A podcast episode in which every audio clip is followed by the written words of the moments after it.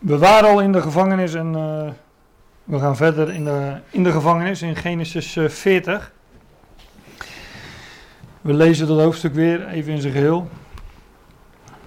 En het geschiedde na deze dingen dat de schenken des konings van Egypte en de bakken zondigden tegen hun heer, tegen de koning van Egypte, zodat Farao zeer toornig werd op zijn twee hovelingen, op de overste de schenkers en op de overste der bakkers. En hij leverde hen in bewaring ten huize van de overste der Trawanten, in het gevangenhuis ter plaatse waar Jozef gevangen was. En de overste der Trawanten bestelde Jozef bij hen dat hij hen diende, en zo waren sommige dagen in bewaring. Zij droomden nu beide een droom, elk zijn droom in, in een nacht, elk naar de uitlegging zijns drooms, de schenker en de bakker, die des konings van Egypte waren, die gevangen waren in het gevangenhuis.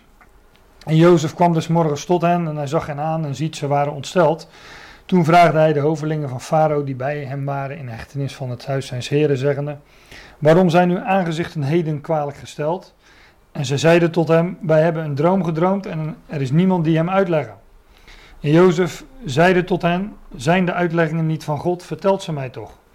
Toen vertelde de overste des schenkers Jozef zijn droom en zeide tot hem, in mijn droom ziet zo was een wijnstok voor mijn aangezicht. En aan de wijnstok waren drie ranken en hij was als bottende, zijn bloeisel ging op en zijn trossen brachten rijpe druiven voort. En Farao's beker was in mijn hand en ik nam die druiven en drukte ze uit in Farao's beker en gaf de beker op Farao's hand. Toen zeide Jozef tot hem, dit is zijn uitlegging. De drie ranken zijn drie dagen. Binnen nog drie dagen zal Farao uw hoofd verheffen en zal u in uw staat herstellen. En gij zult Farao's beker in zijn hand geven naar de vorige wijze toen gij zijn schenken waart. Doch gedenk mijner bij uzelf, wanneer het u wel gaan zal, en doe toch weldadigheid aan mij, en doe van mij melding bij Farao, en maak dat ik uit dit huis komen. Want ik ben diefelijk ontstolen uit het land der Hebreeën, en ook heb ik hier niets gedaan, dat ze mij in deze kuil gezet hebben. Toen de overste der bakkers zag dat hij een goede uitlegging gedaan had, zo zeide hij tot Jozef, ik was ook in mijn droom en zie drie getraliede korven waren op mijn hoofd. en in de opperste korf was van alle spijzen van Farao, die bakkerswerk is, en het gevogelte at dezelfde uit de korf van boven mijn hoofd.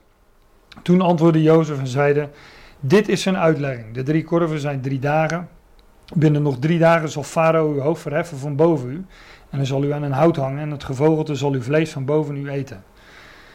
En het geschiedde op de derde dag, de dag van Farao's geboorte, dat hij voor al zijn knechten een maaltijd maakte. En hij verhief het hoofd van de overste de schenkers en het hoofd van de overste de bakkers in het midden zijner knechten.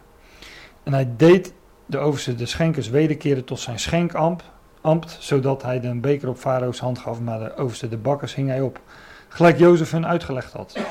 Doch de overste de schenkers gedacht aan Jozef niet, maar hij vergat hem. Ja, dat is dus de geschiedenis van Jozef in de gevangenis, maar we zouden die ook kunnen noemen natuurlijk uh, de geschiedenis van de schenker en de bakker. Um, ja, we waren al tot de conclusie gekomen dat, uh, dat de, de gevangenis een, eh, een uitbeelding is van de, van de gemeente, van de, van de ecclesia. omdat we dat uh, zo meerdere malen in, in, in het Nieuwe Testament, met name bij Paulus, zo terugvinden. Nou ja, en hier zijn we dus ook weer in die gevangenis aanbeland. En dat moet daar dus dan ook op de een of andere wijze mee, mee te maken hebben. Um, nou ja, die schenker en die bakker die uh, worden meteen uh, geïntroduceerd in, uh, in vers, vers 1. Zij hadden gezondigd tegen hun heer. Nou, wat ze precies gedaan hebben, dat staat er niet bij. Wat natuurlijk alle reden is om, om daarover te filosoferen in diverse commentaren en, en noem maar, maar op.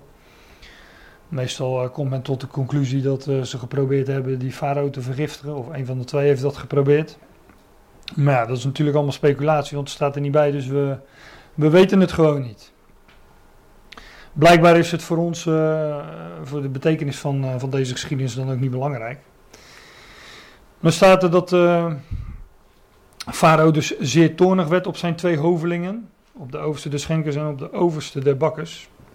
Het zijn dus overste, wij zeggen altijd wel de schenker en de bakker, maar uiteindelijk zijn het de overste van de schenkers en de overste van de bakkers geweest. Blijkbaar had zo'n uh, farao een uh, ja, nogal uitgebreide hofhouding. Dat er eh, wat schenkers rondliepen en een opperschenker zeg maar en een opperbakker. Die, wij zouden ze teamleiders noemen of managers denk ik. Maar een beetje in, in, die trant. Hè. En ook al een overste der trawanten. Nou, enzovoorts. Daar, daar waren dus nogal wat um, personen aan dat hof. Nou, op zich is een, uh, een betekenis vaststellen van, zo'n, uh, van, van de schenker en de bakker, uh, of de bakker en de schenker, hoe je het wilt, moet niet zo moeilijk zijn, omdat, omdat het begrippen zijn die we wel vaker in de schrift tegenkomen. Overigens komen een schenker en een bakker niet zo heel veel voor in de schrift. Ik weet niet of iemand een schenker kent uit in de Bijbel. Hele bekende. Ja, hoe heet die? nee, Jeremia of mm, Nehemia. Nehemia, ja, dat was een schenker. En er staat ook dat Nehemia um, wijn inschonk voor des konings aangezicht. En uh, ja. Maar schenker schenkt dus wijn. Hè, in de eerste plaats. En dat, uh, dat, dat wijn is natuurlijk een uitbeelding van, van het nieuwe leven. Um, de zegt zelf, dit is het bloed van het nieuwe verbond, hè, het leven van het nieuwe verbond. Nou Melchizedek uh, bracht ook wijn voor als uh, hoge priester van, uh, van Salem en als beeld van de, de hoge priester Christus naar de ordening van Melchizedek. Overigens, daar, zat ik nog over na, daar dacht ik nog over na in de, in de voorbereiding. Hè. Als, je, als je denkt aan wijn, hoe wijn tot stand komt, het proces van bereiden van wijn, heeft wel heel erg veel overeenkomsten met het leven van Jozef. Van lijden tot heerlijkheid. Uh, wijn wordt gemaakt door het, uh, ja, de druiven worden geplukt en dan worden ze vertreden in, in, in, een wijnpestbak. Vroeger gebeurde dat natuurlijk gewoon met, met de voet. Dus ze worden vertreden met de voet. En die, die, dat druivensap, die most die daaruit die daaruit komt, die wordt onder de aarde opgeslagen, in de kelder, opgeslagen in eikenhouten vaten. En als ze daar na enige tijd, zal na een drie zijn, drie weken, drie maanden, drie jaar, dat weet ik niet. Ik ben geen wijnkenner. Maar na enige tijd uh, komt dat de kelder uit en dan is het geestrijk vocht. Dan is door het gistingsproces is daar uh, alcohol uh, aan, aan, aan, toegevoegd of in ontstaan, hoe je dat, hoe je dat zou moeten zeggen, weet ik niet. Omgezet. Omgezet, ja. Suiker wordt omgezet in alcohol. Oké, okay, nou, we hebben een kenner in de zaal. Die heeft ook net een wijntje op natuurlijk, dus... Dan praat dat wat makkelijker. maar het is een beeld van, van het leven van Jozef. En in de eerste plaats natuurlijk van ook waar Jozef een type is van, van, van Christus. Hij werd ook vertreden en verworpen.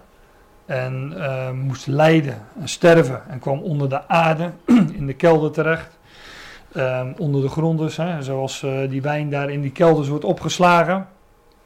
In eikenhouten vaten, want hij leefde uit de belofte. En de eik en eiken, eikenhouten, uh, eikenbossen bijvoorbeeld, hadden we het al even over vandaag.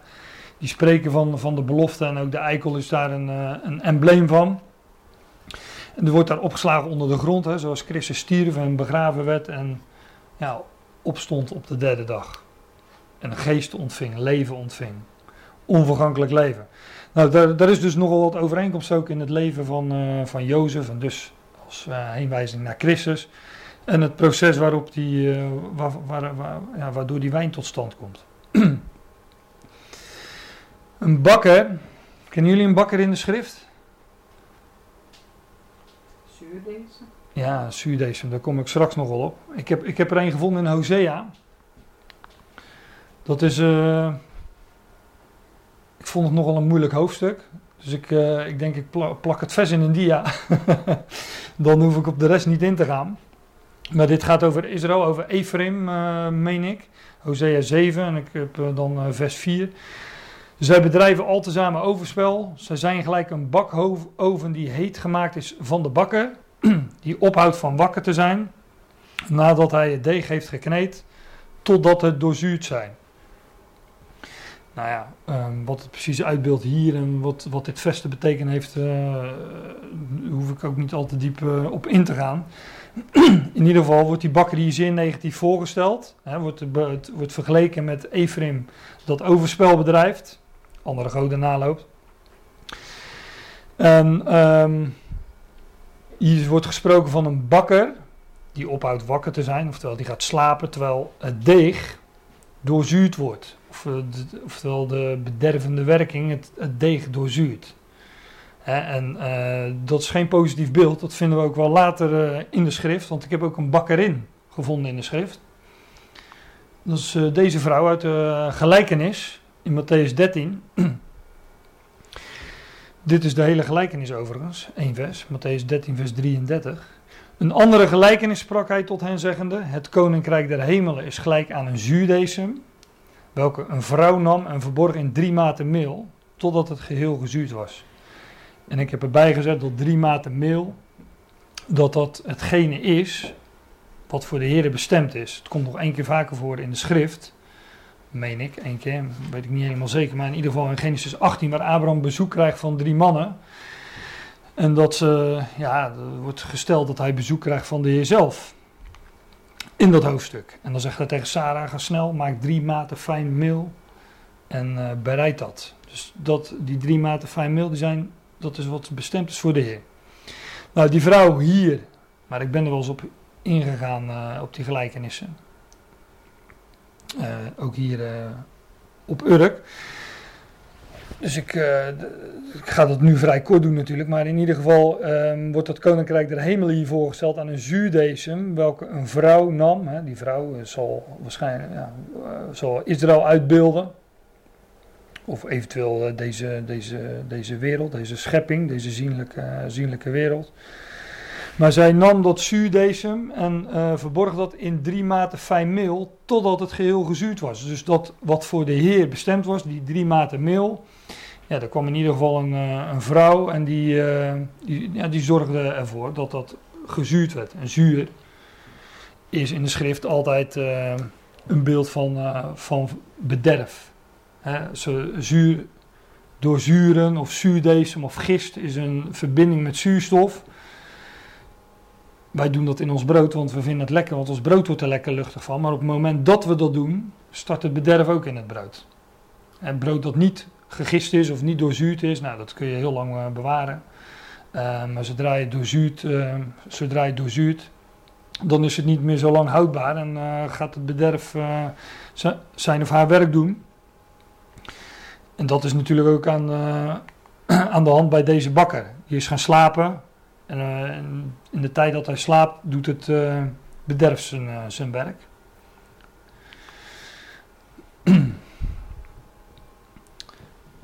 Die, dat zuurdesem, ehm, ja, daar spreekt de schrift eh, eh, heel duidelijk over. Zuurdesem is valse leer, bederf, valse leer, dat wat bederft.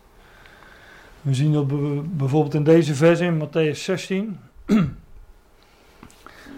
Daar zegt Jezus tegen zijn discipelen in vers 6: Zie toe en wacht u voor de zuurdesem der Fariseeën en Sadduceeën. En zij bespraken dit onder elkander. En zeiden: Dat is omdat wij geen broden meegenomen hebben.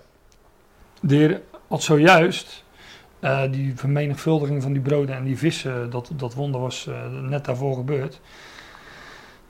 Dus daarom zegt eh, de Heer dan ook: Hoe begrijpt gij niet dat ik u, en dat is in vers 11, hoe begrijpt gij niet dat ik u niet van broden sprak, maar wacht u voor de zuurdesem der Fariseeën en Sadduceeën. Toen zagen zij in dat hij u niet gezegd had zich te wachten voor het zuurdesem der broden, maar voor de leer, voor het onderwijs van Fariseeën en Sadduceeën. En dat vinden we meerdere keren in de evangelie en ook nog in, eh, in Marcus 8, vers 15, waar gesproken wordt over het zuurdesem van Herodes. Ik ga nu niet in wat eh, specifiek het zuurdesem van Fariseeën, Sadduceeën en, eh, en Herodes of Herodiaan is, maar het zijn allemaal, ehm, eh, het- als je het samenvat, is het religi- religieuze leer, zoals wij dat ook kennen. Eh, de, de, wij kennen de leer de Fariseeën, Sadduceeën en Herodianen niet, maar eh, allerlei andere stromingen die. eh, de, de Sadduceeën waren vrijzinnig in die tijd. En de Fariseeën waren de, was de orthodoxie in die tijd. Herodianen waren zij die door eh, eh, politieke middelen of eh, via politieke weg eh, het koninkrijk tot stand wilden brengen. Dat is dan in het kort. Maar het gaat, er, het gaat mij erom hier dat het zuurdecem der broden, uh, dat het niet het zuurdecem der broden is, maar het uh, dat dat de leer is van fariseeën en sadduceeën. Oftewel het valse leer, dat wat bederft. Um, 1 Korinthe 5 komen we dat ook tegen. Ja, ik, zit te denken, zou eigenlijk naar het hoofdstuk toe moeten gaan.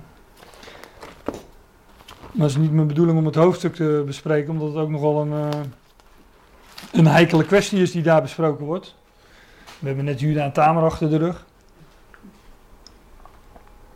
En in uh, 1 Korinthe 5 is er een, uh, een man onder de Corinthiërs die, die een zodanige hoererijbedrijf staat erin van zijn, die ook onder de heidenen niet genoemd wordt, alzo dat er een zijn vaders huisvrouw heeft. En dan zegt Paulus, zijt gij nog opgeblazen? Kijk, wat, wat, dat wil ik wel zeggen. Wat over deze geschiedenis vaak gezegd wordt, is, het gaat hier over kerkelijke tucht. En ze hadden die man uit hun midden moeten, uh, eruit moeten zetten, moeten excommuniceren. Maar wat Paulus doet, hij spreekt niet die man aan, maar hij spreekt die andere juist aan. Van ja, jullie zijn opgeblazen. En dan staat er in, uh, in het vervolg van het vers, letterlijk staat er, zijn jullie niet, zouden jullie niet meer bedroefd zijn? He, zouden jullie niet rouwen, opdat hij uit het midden van jullie uh, weggenomen zou worden? En dat weggenomen worden, dat is passief. Wat Paulus hier eigenlijk zegt, is dat jullie, jullie zijn opgeblazen. En als jullie zouden staan op het woord, ik, ik, ik, ik, ik vat het even samen, ook met, met de context. Als jullie zouden staan op het woord, als jullie, uh, dan zouden jullie bedroefd zijn om zo iemand in jullie midden te hebben. En dan zou die, uh, die, diegene zou het daar niet uithouden met jullie. Hij zegt niet, die zouden jullie er, eruit moeten schoppen of moeten excommuniceren. Hij zegt van, jullie houding deugt niet en daarom blijft die man in jullie midden. En dan zegt hij in uh, vers, 5 deze, uh, vers 6 deze woorden, uw roem is niet goed. Hè? Jullie zijn namelijk opgeblazen. Opgeblazen, dat is roemen in vlees, in vleeselijke zaken. Dus en wij zijn er maar in één ding roemen. En dat is wie roemt roemen in de Heer. En in zijn werk en wat hij gedaan heeft. En als nou, die Corinthiërs die uh, roemden dan uh, in het vlees. En daardoor waren ze opgeblazen. Um, ja, wat zij precies uh, gezegd hebben, weet ik niet. Dat is, is, mij ook niet helemaal duidelijk uit dit gedeelte.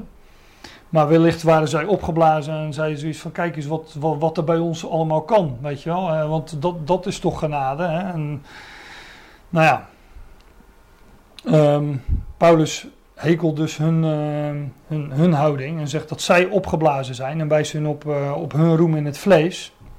En zegt dan ook, uw roem is niet goed. Weten jullie niet dat een weinig zuurdesem het gehele deeg zuur maakt? Oftewel, dat roemen in, in, in zichzelf, dat roemen in het vlees, ja, dat, uh, dat, dat verzuurt het hele deeg. En zeker als dat gebaseerd is op valse leer, ook nog eens echt op leerstellingen. En dan zegt hij dus ook, zuivert dan de oude zuurdesem uit, opdat gij een nieuw deeg zijn mag, gelijk gij ongezuurd zijt. Meestal wordt hier ook van gezegd, zal die man eruit moeten zetten. Maar dat zegt Paulus niet. Zij waren opgeblazen en zij roemden in het vlees en in zichzelf en in menselijke wijsheid. En Paulus zegt nee, wij zouden roemen in de Heer. En dat is de oude zuurdesem uitzuiveren, staan op Gods belofte, op zijn woord. En het daarvan verwachten en niet van jezelf en niet van mensen en niet van menselijke wijsheid en het vlees. En dat zouden zij uitgezuiverd moeten hebben. Daar wijst Paulus in op. Nou ja, misschien moeten we dat, uh, zo'n hoofdstuk is wat, uh, wat, wat nader bekijken, want dat zijn juist wel interessante, uh, interessante kwesties. Juist ook omdat, hij, omdat het altijd 180 graden wordt omgedraaid. Maar ja, wellicht een andere keer. Um, Zuurdesem hadden we het over. Vinden we ook nog in Galaten. Daar heb ik, dacht ik geen dia van. Nou, Galaten 5. Ja, ik had er een notitie van gemaakt, want ik wist niet of ik, uh, hoeveel tijd ik nog zou hebben. Maar uh, ik heb gezien dat jullie ook niet zo aan de tijd houden. Dus. Aan de tijd. Wat is tijd? Je hebt nog 20 minuten. De tijd gaat nu in. Nee, Paulus zegt daarin uh, in, in vers 1 van Galaten 5, staat dan in de vrijheid met welke ons Christus vrijgemaakt heeft en wordt niet weer met het juk van slavernij bevangen. Wat bedoelt hij daarmee? Nou, ziet ik Paulus zeggen, u, zo, u gij, zo gij u laat besnijden, dat Christus u niet nut zal zijn. En ik betuig wederom in ieder mens die zich laat besnijden, dat hij een schuldenaar is de gehele wet te doen. Onder die gelaten, dat, dat, dat uh, komt in heel de gelaten brief naar voren. Daar waar, Paulus had daar uh, het evangelie gebracht. Hij had een Jezus Christus voor de ogen geschilderd, uh, zei hij. Hè, en ze hadden de geest ontvangen uit het geloof. Maar nu waren dus blijkbaar mensen binnengekomen. In ieder geval leringen binnengekomen die zeiden van ja, maar als je rechtvaardig wilt leven, je bent nu wel tot geloof gekomen, je bent nu wel een gelovige, maar je zal je ook moeten laten besnijden. Zoals hij hier bijvoorbeeld als voorbeeld gebruikt. En hij zegt, nou dan is Christus je dus ijdel geworden. Want als je, één, als je op één, uh, als je door één aspect van de wet rechtvaardig wil leven, ja, dan moet je ze ook allemaal volbrengen. Um, hij zegt dan ook in vers 7: Gij liep wel, wie heeft u verhinderd aan de waarheid niet gehoorzaam te zijn? En dit gevoel, gevoelen, deze gezindheid, deze overtuiging is niet uit hem die u roept. En dan zegt hij ook hier weer: Een weinig zuurdesem verzuurt het hele deeg. In vers 9. Nou, ook hier weer die werking van zuurdesem. En hier, uh, ja, hier is het dus dat judaïsme.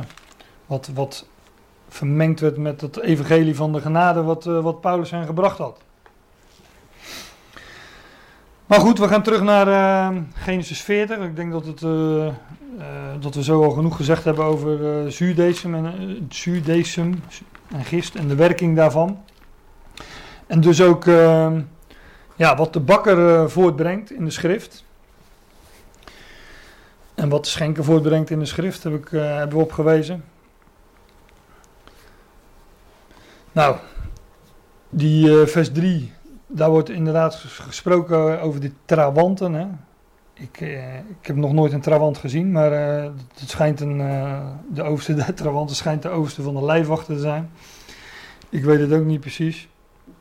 Ja, dat was dus Potifar in Genesis 37 vers 36.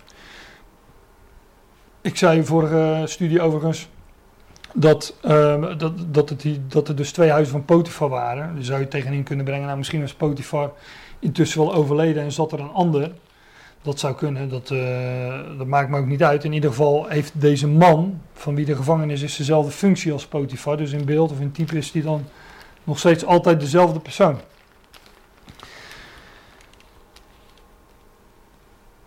En vers 4 staat dan, en de overste der trawanten bestelde Jozef bij hen dat hij hen diende. En ze waren sommige dagen in bewaring. He, Jozef diende hen. Nou, we hebben benadrukt dat Jozef een type is van Christus. En ook van Christus lezen we dat hij een dienaar is van de gemeente van de Ecclesia. Bijvoorbeeld in deze verse in uh, Efeze 5.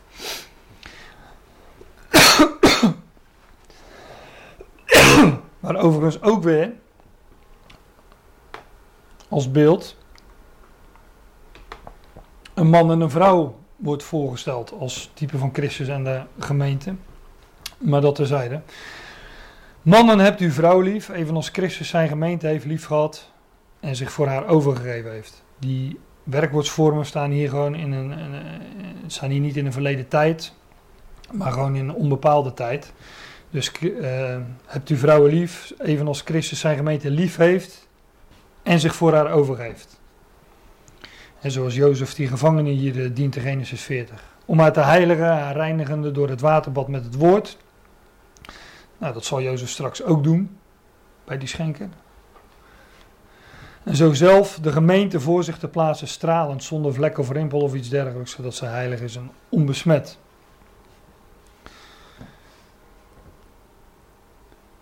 Dan lezen we in vers 5 dat zij beiden een droom droomden, of één droom. Elk zijn droom in één nacht. Elk naar de uitlegging zijn drooms, de schenker en de bakker die des konings van Egypte waren, die gevangen waren in het gevangenhuis. Nou, Jozef komt des morgens vroeg, zouden we ze, lezen ook vaak in de schrift. Hè. De Heer stond ook des morgens vroeg op. Hè. De, de, vrouwen in, uh, in de evangelie kwamen des morgens vroeg bij het graf. Hè, daar gaat het hier dus ook over. Christus, des morgens vroeg, beeld van opstanding. En we lezen hier over twee personen in dit vers. En het wordt zo beschreven: hè? zij droomden, nu beiden, één droom. Elk zijn droom in één nacht. Elk naar de uitlegging zijn drooms. De schenker en de bakker. Die worden ook weer bij elkaar uh, op. op uh, als, het, ja, alsof ze hier toch als een, uh, een, soort van eenheid worden gezien. Zo lees ik dat, als ik dat secuur lees. Met twee dromen, maar toch weer één betekenis. met twee figuren die toch de uitbeelding zijn van één persoon. Niet helemaal, maar toch ook weer wel. Want ik, ik, uh, ik geloof dat die bakker, om daar maar mee te beginnen, dat dat een uitbeelding is van de oude mens. Dat wat bederf voortbrengt. Hè? Die oude mens gaat ook te verderven, dus dat probleem lost zichzelf uh, op. En wij weten zelfs dat onze oude mens met Christus gekruisigd is, maar daarover later nog meer. En de schenker, als degene die wijn voortbrengt, het leven van het nieuwe verbond, ja, is het beeld van een nieuwe mens. En toch zijn zij beide op diezelfde plek. Hè, dromen zij beide een droom. En is er, uh, is, is er toch eenheid tussen die twee. Ze zijn allebei overste van een bepaalde, bepaalde groep bakker en schenker. En hebben allebei eenzelfde functie aan het hof. Wat toch ook weer op, uh, op, op een eenheid duidt. Nou, zo hebben wij, uh, wij leven als nieuw mens nog in dit oude lichaam. We weten dat uh, voor God uh, afgedaan is, hè, die oude mens opgelost. Maar toch ja, op, een bepaal, op een bepaalde manier met, met, met, met aardse ogen, ja, dan is die oude mens er nog. Nou, toen, dat staat er, ik kom er straks nog wel uitgebreider op maar dat, uh, dat komt nog. Toen vraagde hij de hovelingen van Farao die bij hem waren in hechtenis van het huis zijns heren, zeggende: Waarom zijn uw aangezichten hedelijk, heden kwalijk gesteld? En zij zeiden tot hem: Wij hebben een droom gedroomd en er is niemand die hem uitleggen. En Jozef zeide tot hen: Zijn de uitleggingen niet van God? Vertel ze mij toch. Er waren wel uitleggers of dat goede uitleggers waren of niet, aan, weet ik niet. Maar er waren uitleggers aan het hof van Farao. Dat lezen we in uh, 41, vers 45, dacht ik. Ja. Nee, nee, nee. Nee, dat gaat er. Oh, hier in vers 8, 41, vers 8. Daar lezen we dat uh, de, dan heeft Farao gedroomd. Waarover op de volgende studiedag dan uh, waarschijnlijk meer. En dan lees je dat uh, die farao ook tovenaars en wijzen van Egypte roept. Om die droom uit te leggen. Lijkt een beetje op die versen die we ook vinden in Daniel. Hè? Maar die, uh, aangezien Jozef en met hem dus ook die schenker en bakker buiten de maatschappij gesloten zijn in de gevangenis. Zijn die uitleggers daar in ieder geval niet. Maar onder hen is Jozef. En um, Farao noemt Jozef in 41, en dat is wel vers 45, Safnat Paneach. Dat betekent in het Egyptische redder van de wereld. Maar ik heb begrepen, um, volgens uh, de diverse uh, studiebijbels en uitlegging, dat het ook uh, vertaald kan worden in het, ik meen in het Koptisch, wat een taal is die verwant is aan het Egyptisch, als uitlegger van verborgenheden. Nou, beide namen passen natuurlijk uh, bij Jozef, die een type is van Christus. En het doet ons natuurlijk ook,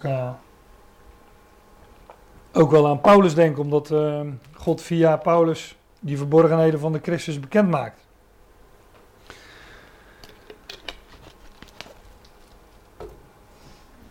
En in die gevangenis in die, wat een beeld is van de Ecclesia, daar, ja, daar worden verborgenheden geopenbaard. Daar worden geheimenissen bekendgemaakt. Door Christus inderdaad, via de apostel Paulus.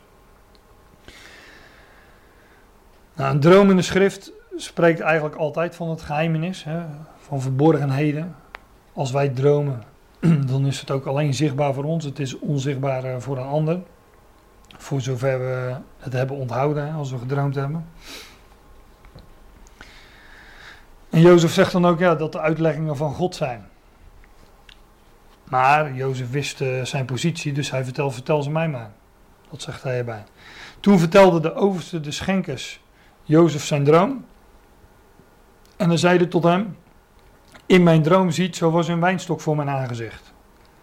En aan de wijnstok waren drie ranken en hij was als bottende, zijn bloeisel ging op.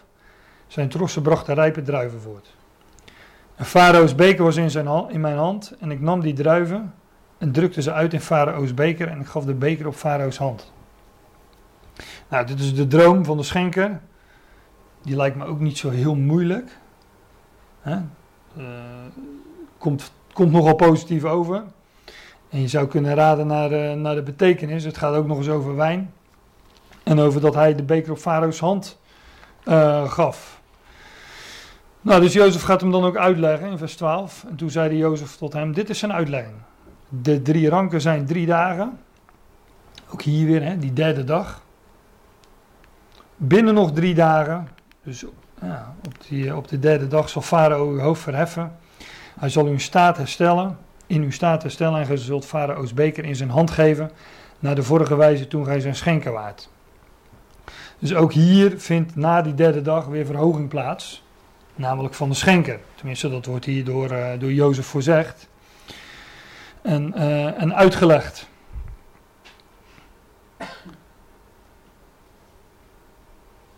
En dan vervolgt Jozef, die doet nog wat aan zijn eigen PR. Doch gedenk mijne bij uzelf wanneer het u wel gaan zal. En doe toch wel dadigheid aan mij. En doe van mij melding bij Farao. Maak dat ik uit dit huis komen. Want ik ben diefelijk ontstolen.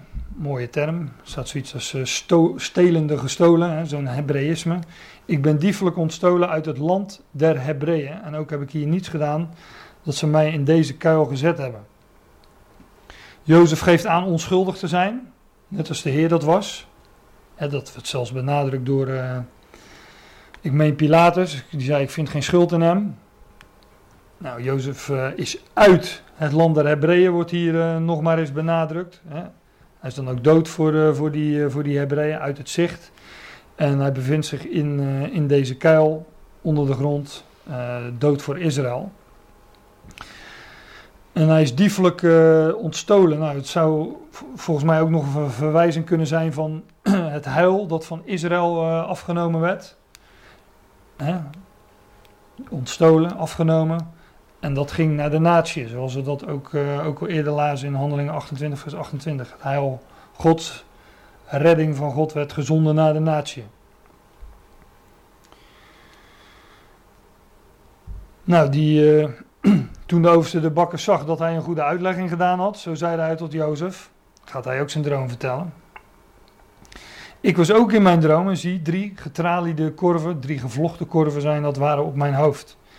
En in de opperste korf was van alle spijzen van Farao die bakkerswerk is. En het gevogelde at dezelfde uit de korf van boven mijn hoofd. Ja, dat is dus de droom van de bakker en daar wordt gesproken over bakkerswerk. Nou, we hebben wat schriftplaatsen zijn we langs gegaan over dat zuurdecem. Dus dat bakkerswerk, dat bevat zuurdecem. Dus dat, uh, nou, dat moet slecht af gaan lopen, denk je al. Ja, we hebben het al gelezen, dus u weet het al. Maar ook die vogels wijzen erop. Want vogels in de schrift, er zijn een aantal vogels die uh, niet uh, die rein zijn, maar de meeste vogels wordt uh, bestempeld als onrein gevogelte. En ook hiervoor ga ik even naar Matthäus 13 de gelijkenis van de zaaier.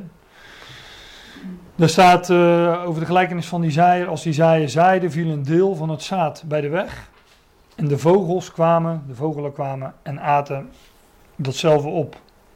Die vogels eten dus dat zaad op. Nou, zaad hebben we het ook al over gehad. Dat is een beeld van het woord van God. In Matthäus 13 wordt het ook gezegd, hè, dat zaad is het, uh, het woord van het koninkrijk. En dat wordt dan uitgelegd een paar versen verder. In vers 19, als iemand dat woord des koninkrijks hoort en niet verstaat, zo komt de boze en rukt weg hetgeen in zijn hart gezaaid was. Deze is degene die bij de weg bezaaid is. Dus we vinden hier een bakker met bakkerswerk. Hè, dat bevat zuurdesem. En we vinden een, uh, ja, de vogels die dat uh, bakkerswerk uh, van, vanuit de manden, vanuit de korven boven zijn hoofd eten. En de vogelen des hemels zijn een, een beeld van de boze. Van eh, Satan en zijn dienaren. Nou, ook die gaat Jozef uitleggen. Toen antwoordde Jozef en zeide, vers 18, dit is zijn uitlegging. De drie korven zijn drie dagen. Binnen nog drie dagen zal Farao uw hoofd verheffen van boven u. En dan zal, zal u aan een hout hangen. En het gevogelte zal uw vlees van boven u eten. Wat ik ook wel opvallend vind aan, uh, aan die dromen. En de uitlegging van Jozef. Is dat, um, dat de droom van de schenker is net wat uitgebreider. Ook Jozefs uitleg is wat uitgebreider. En um, de uitleg van Jozef hier over de droom van die bakker. Ja, dat is bijna in, uh, in telegramstijl, zo, zo, zo kort en, uh, en krachtig. Doet mij ook denken aan, uh, aan het woord van God, wat weinig, dat weinig woorden vuil maakt aan die oude mens. We vinden wel beschrijvingen van de oude mens, hè, die liggen er ook niet om. Maar als het gaat over de nieuwe mens, ja, dan, dan, is, dat wat, dan is dat heel wat uitgebreider. Hè? Dan wijst het op Christus. Ik, uh, ik denk dat het wellicht ook de reden is dat, uh, dat hier dat onderscheid is gemaakt. Het gaat ook om die nieuwe mens natuurlijk.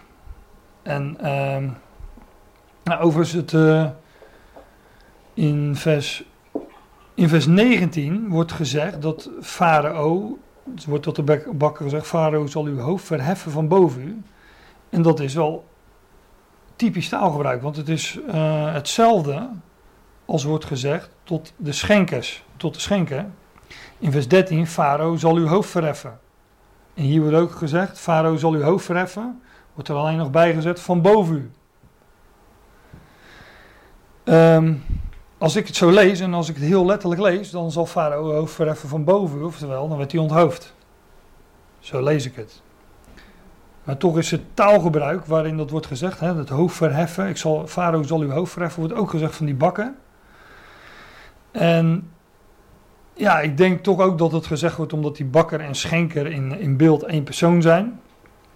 Want je, um, daar komen we straks nog wel op. Maar je leest ook in, uh, in vers, um, vers 20 dat de farao voor zijn, al zijn knechten een maaltijd maakte. En hij verhief het hoofd van de overste de schenkers en het hoofd van de overste de bakkers. In het midden zijn de knechten. Dus hier worden ze ook weer als een eenheid bij elkaar gehaald. Terwijl het toch met de een slecht afloopt en met de andere ander goed. Dus die oude nieuwe mens, inderdaad, dat is een eenheid. Die horen bij elkaar. Toch worden ze uit elkaar gehaald op die derde dag. En uh, voor de een loopt het slecht af en voor de ander goed. Maar daar komen we straks nog wel op. Maar dat taalgebruik is op zijn zachtst gezegd, ja, daar struikel je wel een beetje over. Ja, die bakker die, die sterft dus aan, aan hout. En dat doet ons natuurlijk denken aan deze, bijvoorbeeld deze woorden van Paulus. Dit wetende, Romeinen 6 vers 6. Dit wetende dat onze oude mens met hem gekruisigd is. Zoals die bakker op de derde dag aan een uh, hout werd gehangen. Zo is onze oude mens met Christus gekruisigd.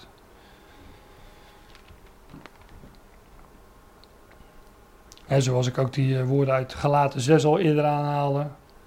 Wij zijn met Christus gekruisigd, daardoor is ook, zijn we ook dood voor deze wereld. He. Voor deze wereld zijn we ook uh, gekruisigd en, uh, en andersom.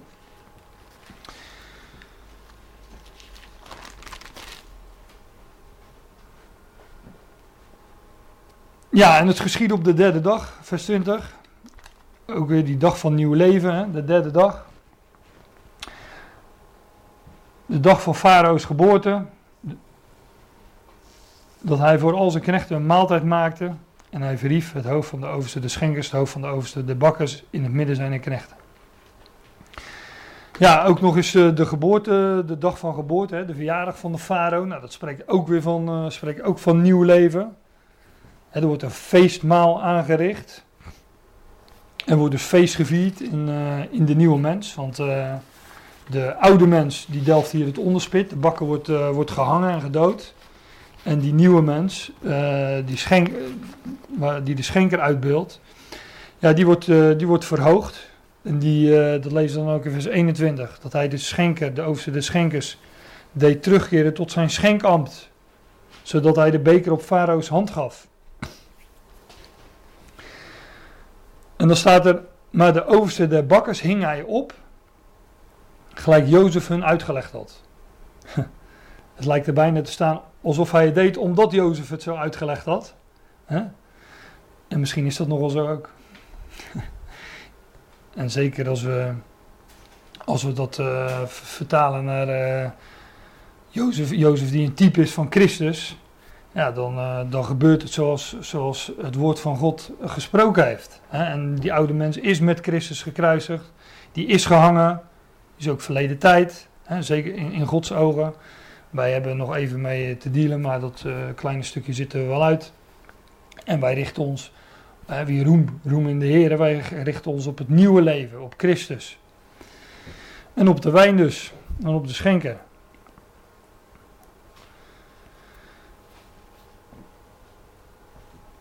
Maar de overste, de bakker, hing hij dus uh, op gelijk Jozef van uitgelegd had. Nou ja, we hebben al um, eerder deze dag, hè, zo, in, zo in een gesprek in de pauze, dan uh, uh, bijvoorbeeld in zo'n geschiedenis van Juda en Tamar, dan, dan zien we ook, hè, ik, ik, heb, ik heb ook gezegd, ik heb één lijn naar voren gebracht hè, en zo'n geschiedenis heeft meerdere lagen. Dat zou je van deze geschiedenis overigens ook kunnen zeggen. Sowieso zijn die schenker en bakken ook nog typen van andere zaken. Nou, we kennen een een, een, een principe uit. Uh, nee, geen dietje meer van. Maar we kennen in principe uit uh, Hebreeën 10, uh, vers 9 is het mening, waar staat dat, dat God het eerste wegneemt om het tweede te stellen. Nou, dat gebeurt hier met de bakker en de schenker. De bakker wordt weggenomen, tweede, de schenker, wordt gesteld. Ik heb gezegd dat is een beeld van de oude en de nieuwe mens. ook omdat het toch op benadrukt wordt dat eh, dat ze op de een of andere manier toch één zijn, hè, met, met diezelfde, ongeveer diezelfde functie, diezelfde droom. Maar dat zou je van de oude mens kunnen zeggen. Uh, de nieuwe mens, je zou dat van de oude schepping en de nieuwe schepping kunnen zeggen. Het oude en het nieuwe verbond. Uh, maatschappij en gevangenis, om, dood en opstanding. Adam Christus, hè, de laatste Adam. God neemt het eerste weg om het, om het tweede te stellen. Um, nog een laatste toepassing, die, die ik er ook in zie. En die ik toch gezegd wil hebben, maar daarbij, uh, we hebben het in de pauze al even over gehad, daarbij wil ik wel heel dicht bij de schrift blijven. Wil ik altijd, maar vooral ook in dit geval. Ik wil even met u naar eh, Genesis 48.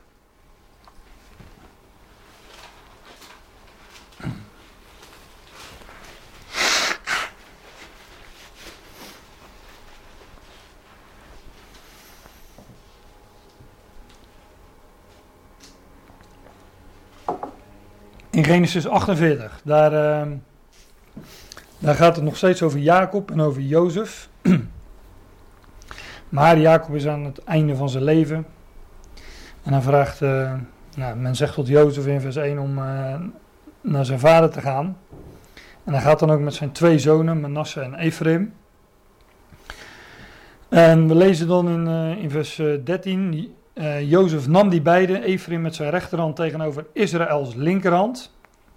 En Manasse met zijn linkerhand tegenover Israëls rechterhand. En hij deed hen tot hen naderen. Oftewel, hij zette de oudste Manasse voor uh, Jacob, Israël wordt hij hier genoemd. Uh, niet van niks, maar voor zijn rechterhand en, en Ephraim voor zijn linkerhand. Dan staat er maar Israël, Jacob dus, strekte zijn rechterhand uit en legde die op het hoofd van Ephraim. Hoewel hij de minste was en zijn linkerhand op het hoofd van Manasse, hij bestierde, bestuurde zijn handen verstandelijk, want Manasse was de eerstgeborene. Um, in Hebreeën wordt, uh, wordt hiernaar verwezen, er wordt ook gezegd dat Jacob dit uit geloof deed, of doorgeloof of ingeloof. In ieder geval um, dat hij niet zelf verzonnen, hij deed dat in geloof. Hij wist dat het zo moest. Dan staat er in vers 15, en hij zegende Jozef en zeide, de God voor wiens aangezicht mijn vader, vaders Abraham en Isaac gewandeld hebben, die God die mij gevoed heeft van dat ik was tot op deze dag, die engel die mij verlost heeft van alle kwaad, zegene deze jongeren en dat in hen mijn naam genoemd worden en de naam mijn vaderen Abraham en Isaac en dat ze vermenigvuldigen als vissen in menigte in het midden des lands. Daar val je ook over, zo'n uitspraak. Vermenigvuldigen als vissen in menigte in het midden des lands. Vissen op het land. Oké. We hadden het in de pauze al even over toen we een visje zaten te eten. Van ja, waar is die vis nou een uitbeelding van? Nou, die vis is een uitbeelding van de gemeente, maar in de eerste plaats van Christus. Matthäus 17 is, uh, zegt de Heer tegen Petrus, als het gaat over het betalen van belasting. Gooi een hengel uit en de eerste vis die boven komt, die betaalt de prijs.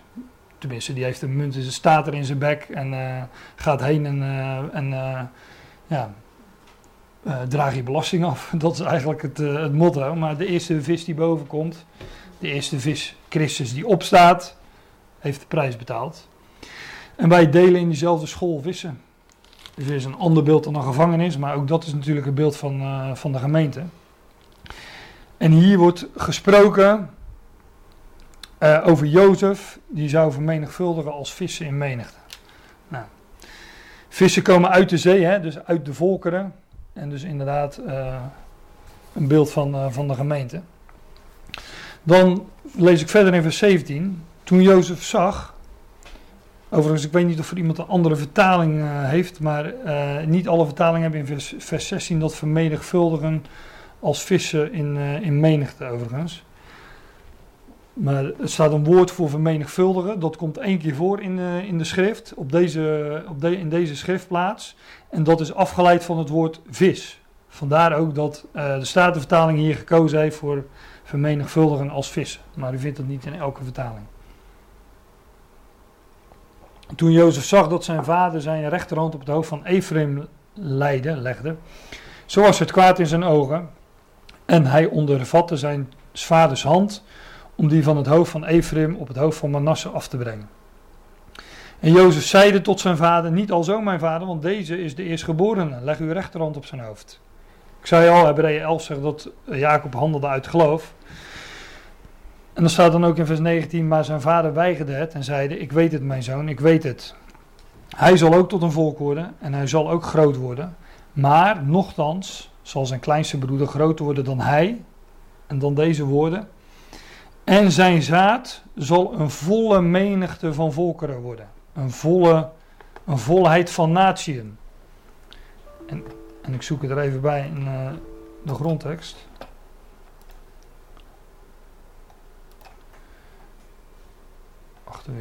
Genesis 48, vers 16.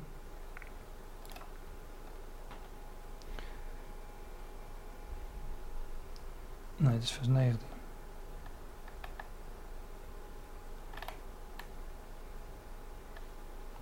Kijk, een volheid, ja, het is Hebreeuws dus van rechts naar links, volheid van naties. Goyim, natieën.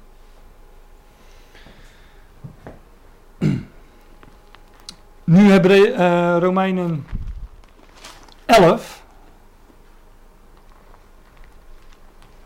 Is het, meen ik, want daar haalt Paulus deze woorden aan.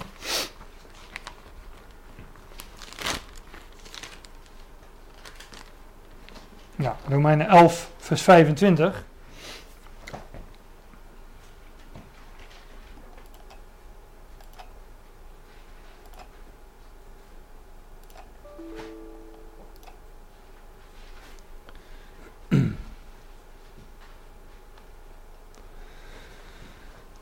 En dan zegt hij, want ik wil niet, broeders, dat u deze verborgenheid, geheimenis, geheim in andere vertalingen.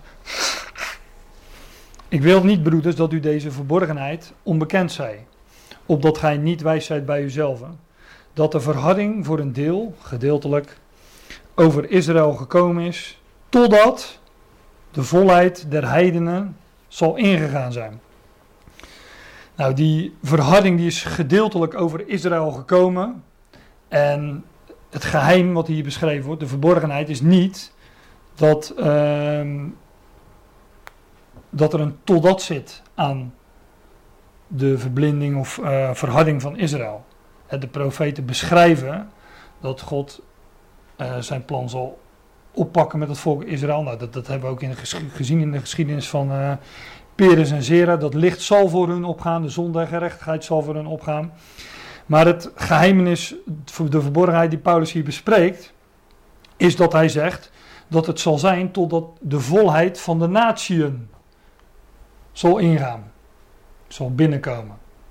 En dat zijn exact dezelfde woorden als we uh, in Genesis 48 zagen, die Jacob sprak tot zijn zoon, zijn kleinzoon eigenlijk, over het hoofd van Jozef, zijn zoon, um, tot Ephraim. En Ephraim de eerstgeboortezegen gaf. Dus nou, die volheid van de natieën, hè, wanneer heeft de, heb, wanneer heeft de prediking, uh, zo, als je het zo wil noemen, de prediking tot de natieën haar volheid bereikt? Hè, wanneer uh, de gemeente, de Ecclesia, tot volheid is gekomen en wanneer zij dus zal binnenkomen. Nou ja, dat wijst mijns inziens op, uh, op de wegrukking, hè, of wat men de opname van de gemeente noemt. Dan zal de, gemeente haar volheid bereikt hebben. Um, en daar refereert Paulus dus aan. Maar het, uh, het opmerkelijke is dat hij hier uh, die, term gebruikt, die we in Genesis 48 dus ook vinden, als er gesproken wordt over Ephraim, een nakomeling van Jacob. Nou, we zien dat, uh, we zien vervolgens in de schrift dat Ephraim, de, nou, hoe moet ik dat zeggen, de belangrijkste geworden is onder de tien stammen in ieder geval uh, is de naam Ephraim vaak de aanduiding voor die tien stammen. Die tien stammen worden of Juda en Israël genoemd, of Juda en Ephraim, of zelfs Juda en, uh, en Jozef. Maar in ieder geval is, is Ephraim uh, nadrukkelijk uh, een naam voor die, voor die tien stammen. En we weten ook uit de, die, dat, dat, koninkrijk is na, na Salomo is dat gesplitst in een 2 en 10 stammenrijk. We weten ook dat later die tien stammen in Assyrische ballingschap zijn weggevoerd. En dat ze daar eigenlijk ja, verstrooid zijn geworden onder de volkeren. En zich daar ook mee vermengd hebben. En hun identiteit als stammen van Israël daarmee zijn kwijtgeraakt. Ze hebben zich gewoon een klein gedeelte teruggegaan naar, uh, is het wel teruggekomen in in uh, het huidige Juda, is het huidige Israël, de Joodse staat. Is daar wel weer uh, terechtgekomen. Maar het grootste gedeelte is uh, verstrooid en geassimileerd, noemen ze dat, zo in de volken. En ehm, ja, hebben ze zich dus daarmee vermengd en zijn daarmee niet meer huis Israëls, maar zijn daarmee heidenen geworden. En als Paulus dan in, in Romeinen 11 die woorden aanhaalt over de volheid der natie, de volheid van de natie zal, die zal binnengaan, ja, dan verwijst hij daar dus mee naar, um, naar Ephraim. Dus toen Paulus het evangelie bracht en de, de boodschap van genade bracht onder de heidenen, dan kwam dat in eerste instantie terecht bij Ephraim. Alleen, ja, Ephraim was geen Ephraim meer. Ephraim waren was opgegaan onder de natieën. En was hun, ja, ze waren hun identiteit kwijt. Maar daar kwam dus wel uiteindelijk het evangelie terecht op een verborgen wijze. Nou, daar valt uh, waarschijnlijk veel meer over te zeggen. Misschien uh, ga ik dat ook nog wel eens doen, maar het is wel een. Uh, dit is wel een. Ik vind het een hele intrigerende kwestie. En ook wel een, een kwestie die. Um, die het onderzoeken waard is en uh, waar ik wellicht nog eens op terugkom. Um, meer ga ik er nu dus ook nu niet over zeggen. Wat ik uh, al heb gezegd, als, ook als het over deze kwestie gaat, eigenlijk ja, uiteindelijk over alle zaken die tot ons komen. Ik wil heel dicht bij de schrift blijven en daarom leg ik alleen dit verband. En uh, ik weet dat er allerlei ehm, extremiteiten zijn hè, die zo'n leren ter hand nemen en de British Israel beweging en noem maar, maar op. Uh, waarbij allerlei buitenlandse bronnen als maatgevend worden gebruikt om, uh, om deze theorie verder uit te bouwen. Maar dit is wat de schrift er in ieder geval over zegt. Toen het heil bij de heidenen, bij de natie terechtkwam, was dat op verborgen wijze weliswaar dat, dat het bij Ephraim terechtkwam. Die zich vermengd, geassimileerd hadden met de volkeren, met de natie. Nou, waarom zeg ik dat bij, uh, bij Genesis uh, uh, 40? Ephraim is ooit verstrooid, de tien stammen, zo u wilt, ze zijn ooit verstrooid onder de volkeren. En een verstrooiing wordt in de schrift ook voorgesteld als een ballingschap. Hè. We kennen de, de, de, de Babylonische ballingschap en de Assyrische ballingschap. Juda is ooit weggevoerd in de Babylonische ballingschap, daar weer uit teruggekomen. Nou, Ephraim, die tien stammen, wat ik zei, die zijn weggevoerd in Assyrische ballingschap. Uh, een heel klein deel is teruggekomen. De meeste zijn, uh, hebben zich vermengd met de, met de heidenen. Maar ballingschap wordt in de schrift heel vaak een gevangenis genoemd. De Heer zegt ook, al, kijk, het Joodse volk, het grootste gedeelte van het Joodse volk, is nu nog steeds in ballingschap.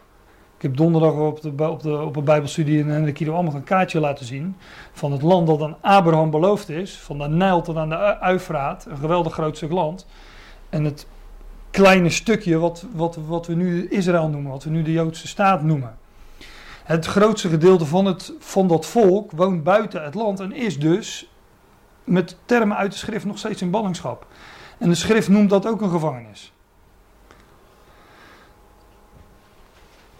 En ik weet niet of u dat wel eens zich afgevraagd heeft, maar die gevangenis in Genesis 40 is een beeld van de Ecclesia, van de gemeente. Maar dat wordt pas sowieso een beeld van de gemeente op het moment dat Jozef daar verschijnt. En wat was er dan voordat Jozef daar verschijnt?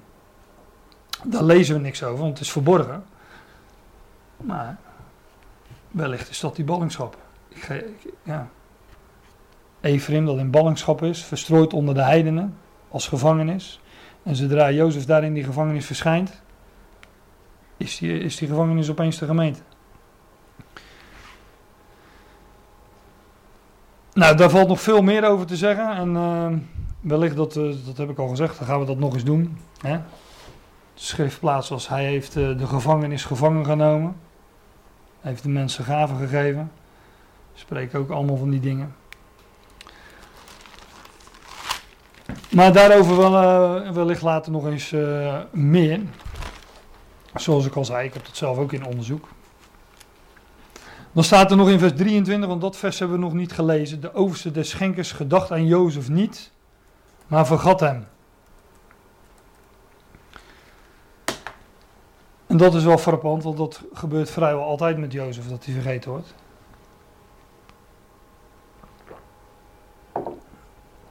Deze Jozef in Genesis. Alle, ongeveer alle Jozef in de, in de Bijbel, het zijn er nogal wat. Ik zou, ik zou dus na moeten rekenen hoeveel het er zijn. Ik heb wel eens iemand horen zeggen dat het 13 waren. Zijn. Zou best kunnen. Zo'n mooi getal. Maar we kennen Jozef in Genesis. Nou, die verdwijnt uit het oog van zijn, uh, van zijn vader. Van het huis van, van Jacob. De vader van Jezus. Hè, eh, Jezus werd geboren. We vinden hem nog net uh, bij de viering van het paas, in, uh, in, in, Jeruzalem, dat ze opgaan naar Jeruzalem toen Jezus 12 werd. Daarna hoor je niks meer van hem. Jozef van Arimathea, die verschijnt veelbelovend ten tonele om het lichaam van Jezus op te eisen. Niets meer van gehoord. De mentor van Paulus heette ook Jozef. Jozef staat er in uh, Handelingen 4, meen ik. Jozef Bars, Bar, Bar, Barnabas, Jozef Barnabas. Nou, die neemt Paulus aan de hand en die zie je steeds meer naar de achtergrond verdwijnen. En Paulus steeds meer naar de voorgrond. In handelingen 1 moet er een uh, opvolger van Judas gekozen worden. Nou, dan zijn het er twee. Jozef, die heet Jozef Barsabas, dacht ik. En, en Matthias. En Jozef verdwijnt en Matthias wordt het.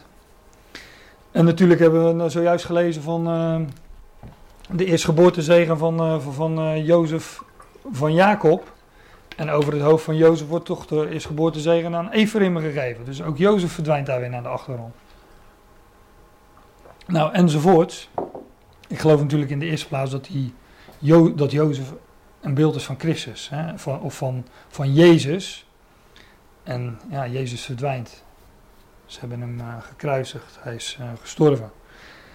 En de opgewekte is de Christus en die komt op de voorgrond. Hè. En wij kennen Jezus ook nu niet meer naar het vlees. Hè. Dat, dat zegt de schrift ook. Als we hem al naar het vlees gekend hebben, zegt Paulus tegen zijn tijdgenoten, dan nu niet meer. En dat, daar wijst ze dan ook op, die Jozefen die naar de achtergrond eh, verdwijnen. En ja, wellicht dat daar, dat moet bijna wel, hè. Dus altijd als we de schrift onderzoeken, wellicht dat daar nog veel meer achter zit. Maar eh, zoals gezegd, daar hebben we het nog wel eens een keer over. We gaan het voor nu eh, hierbij laten.